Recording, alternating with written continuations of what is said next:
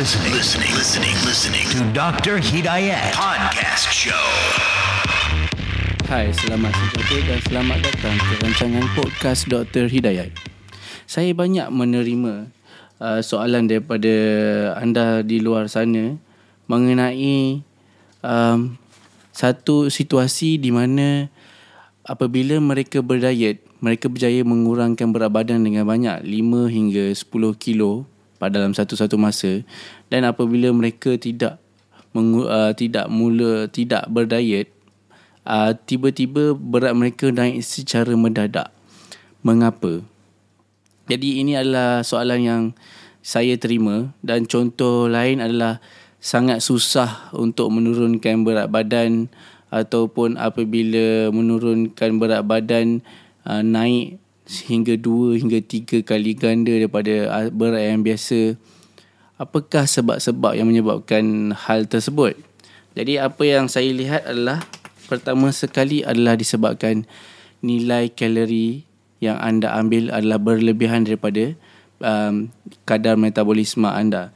Uh, jika anda mempunyai kadar metabolisme sebagai contoh uh, 1007 hingga 1008 apabila anda mengurangkan nilai kalori anda kepada 1003 hingga 1004 kilokalori uh, anda berjaya dapat menurunkan berat badan.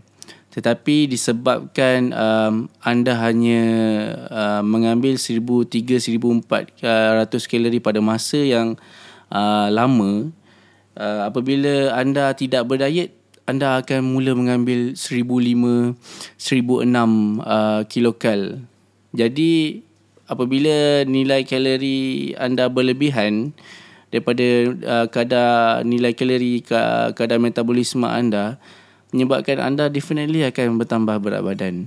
Disebabkan itu um, apabila anda menurunkan berat badan, anda perlu uh, melakukan sesuatu untuk meningkatkan kadar metabolisme. Jika tidak, nilai kadar metabolisme anda tetap akan sama dan lebih buruk lagi akan tambah turun. Sebab itu anda perlu lakukan sesuatu.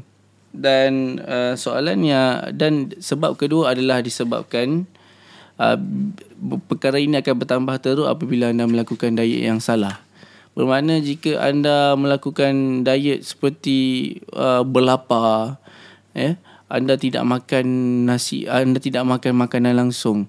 Let's say anda makan biasanya 3 hingga 4 kali sehari tapi disebabkan anda ingin berdiet, anda menurunkan nilai uh, anda mengurangkan pengambilan makanan anda hingga satu satu hingga dua kali. Ada yang paling teruk satu kali saja sehari. Lepas tu banyak minum air lah apalah. Jadi um, diet yang tidak betul menyebabkan anda punya kadar metabolisme akan semakin menurun dan apabila anda mula makan seperti biasa, definitely berat anda akan bertambah secara mendadak. Disebabkan itu, anda perlu tahu cara diet yang berkesan. Bermakna, walau anda walaupun anda um, anda perlu mengambil makanan yang lebih kerap daripada 3 hingga 4 kali uh, sehari dan anda perlu setiap makanan yang perlu anda ambil tu mempunyai nutrisi yang lengkap dan cukup.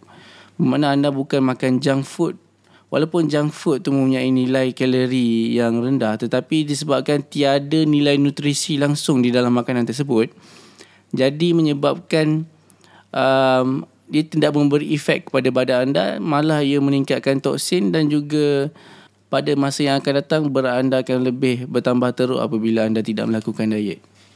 Disebabkan itu anda perlu um, melakukan diet yang betul mengambil uh, uh, makanan dengan lebih kerap wal, dengan kuantiti yang sedikit dan setiap pengambilan tersebut mempunyai uh, nutrition yang cukup baru anda boleh mengekalkan nilai kadar metabolisme anda. Dan ketiga disebabkan apabila anda berdiet tapi anda tidak melakukan senaman.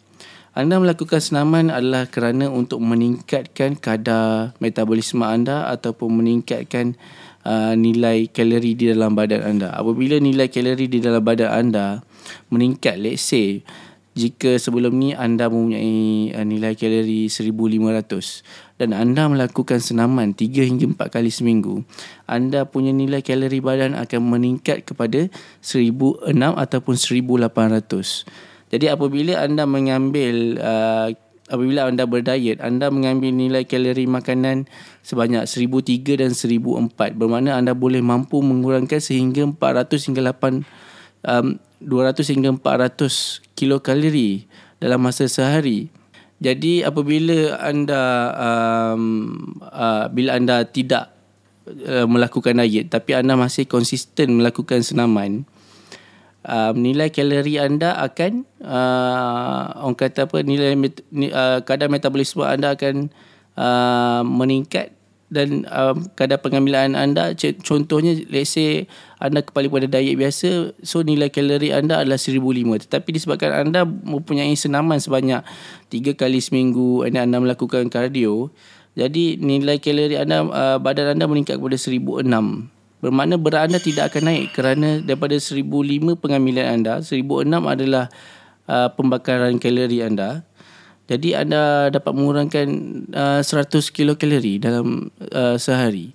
Bermakna dalam seminggu anda dapat mengurangkan 700 kilokalori. Jadi ia mengekalkan berat badan anda instead of uh, menambahkan berat badan. Disebabkan itulah saya dengar ramai ketika muda mereka menjadi atlet tetapi apabila mereka tidak menjadi atlet mereka tidak aktif definitely berat badan mereka anda akan menurun. Uh, definitely dia kadar metabolisme akan menurun. Dan apabila kadar metabolisme menurun definitely memang akan um, berat badan mereka akan naik lah secara obvious. Sebab tu tiba-tiba kita nampak eh perut boncit. Padahal dia adalah ahli sukan yang sangat aktif pada waktu ketika dulu. Dan yang ketiga adalah disebabkan um, anda melakukan senaman ya.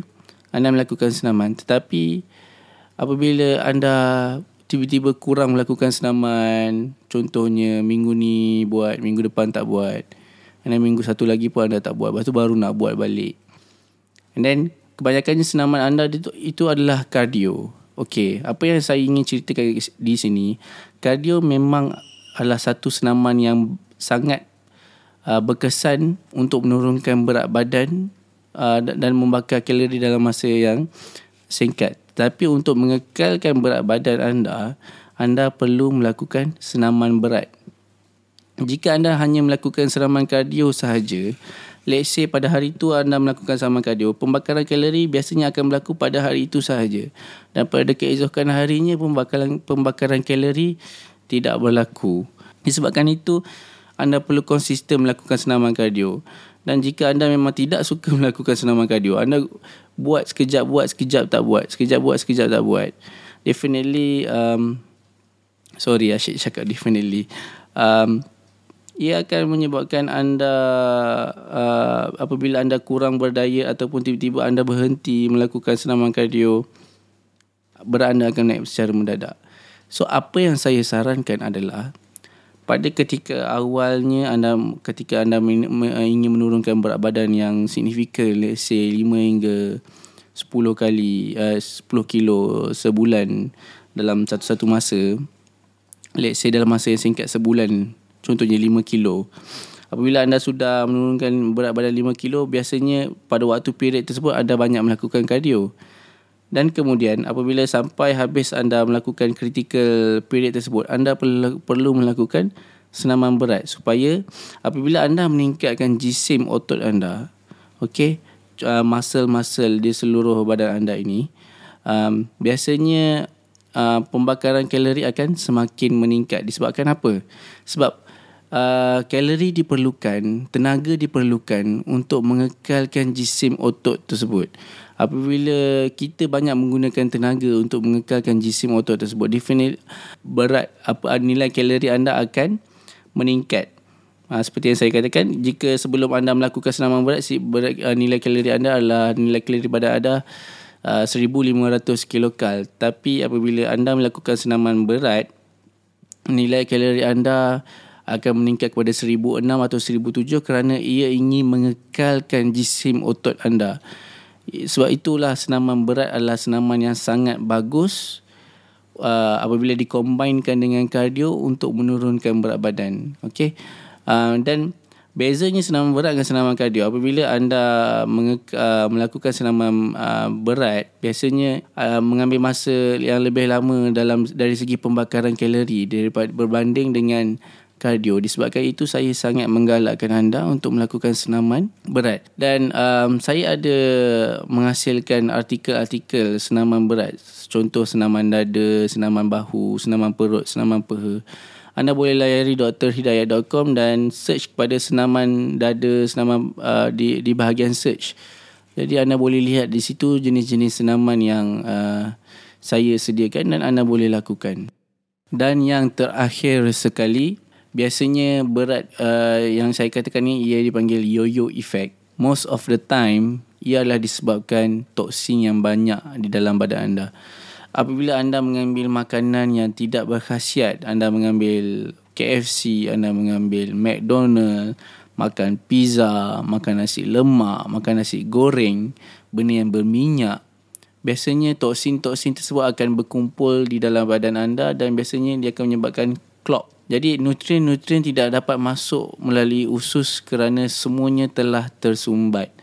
Jadi nutrien yang penting seperti protein yang memerlu yang diperlukan untuk mengekalkan uh, jisim otot, memperbaiki tisu-tisu yang rosak. Ia menyebabkan um, penyerapan itu uh, kurang berlaku. Okey dan usus anda biasanya tidak sihat. Banyak toksin yang di, uh, di dalam usus anda menyebabkan um, apabila anda ingin menurunkan berat badan uh, walaupun anda tidak membuang toksin anda akan mudah untuk uh, berat anda akan meningkat semula secara mendadak. Okey dan kedua adalah disebabkan saluran darah anda. Walaupun anda merasakan anda tidaklah gemuk mana ataupun anda merasakan hmm, tak mungkin saya ada kolesterol pada usia sebegini. Tapi anda kena ingat eh, kolesterol tidak mengenal usia dan kadang-kadang kita boleh lihat orang yang kurus pun mempunyai high cholesterol. Tetapi biasanya anda akan melihat um, kolesterol yang tinggi pada orang yang obes ataupun uh, berat berlebihan lah. Anda perlu mengurangkan uh, kolesterol tersebut supaya pelancaran uh, darah dapat dilakukan dengan sempurna dan segala energi dapat pergi ke seluruh badan. Bermakna dia tidak stuck ke satu-satu tempat. Menyebabkan apabila tenaga tak dapat digunakan dengan sepenuhnya ia akan pergi ke lemak. Disebabkan itulah anda mempunyai berat badan yang berlebihan dan gemuk. Walaupun anda berjaya dapat menurunkan berat badan pada satu ketika dulu tapi apabila apabila anda tidak uh, membuang toksin anda menyebabkan anda berat badan anda uh, bertambah dengan lebih teruk pada ke waktu ketika yang lain. Jadi um, cara untuk membuang toksin adalah salah satunya yang terbaik yang saya pernah lihat adalah dengan mengambil aloe vera. Dengan aloe vera anda boleh membuangkan toksin dengan banyak di dalam usus anda. Uh, ia bertindak sebagai sabun apabila anda membasuh uh, usus anda 3 4 kali seminggu atau berbanding dengan hanya anda hanya membasuh dengan air anda boleh lihat perbezaan dia dan uh, untuk mengurangkan kolesterol saya mencadangkan anda mengambil Arctic Sea jadi itulah dua suplemen yang sangat penting ketika anda ingin menurunkan berat badan dan mengekalkan berat badan anda. Saya berjaya mengurangkan berat badan sehingga 2 kilogram dalam masa 9 hari dengan menjalani program Detox Clean 9. Jika anda ingin lakukan perkara yang sama seperti saya, anda boleh layari drhidayat.com slash FLP. Jika anda ingin bertanya soalan tentang uh, diet, anda boleh layari drhidayat.com dan isikan nama dan email anda dan anda akan menerima 7 hari tips percuma menurunkan berat badan dan di dalam email tersebut anda boleh bertanyakan soalan. Uh, itu sahaja daripada saya. Um, jumpa lagi di podcast yang akan datang. Terima kasih.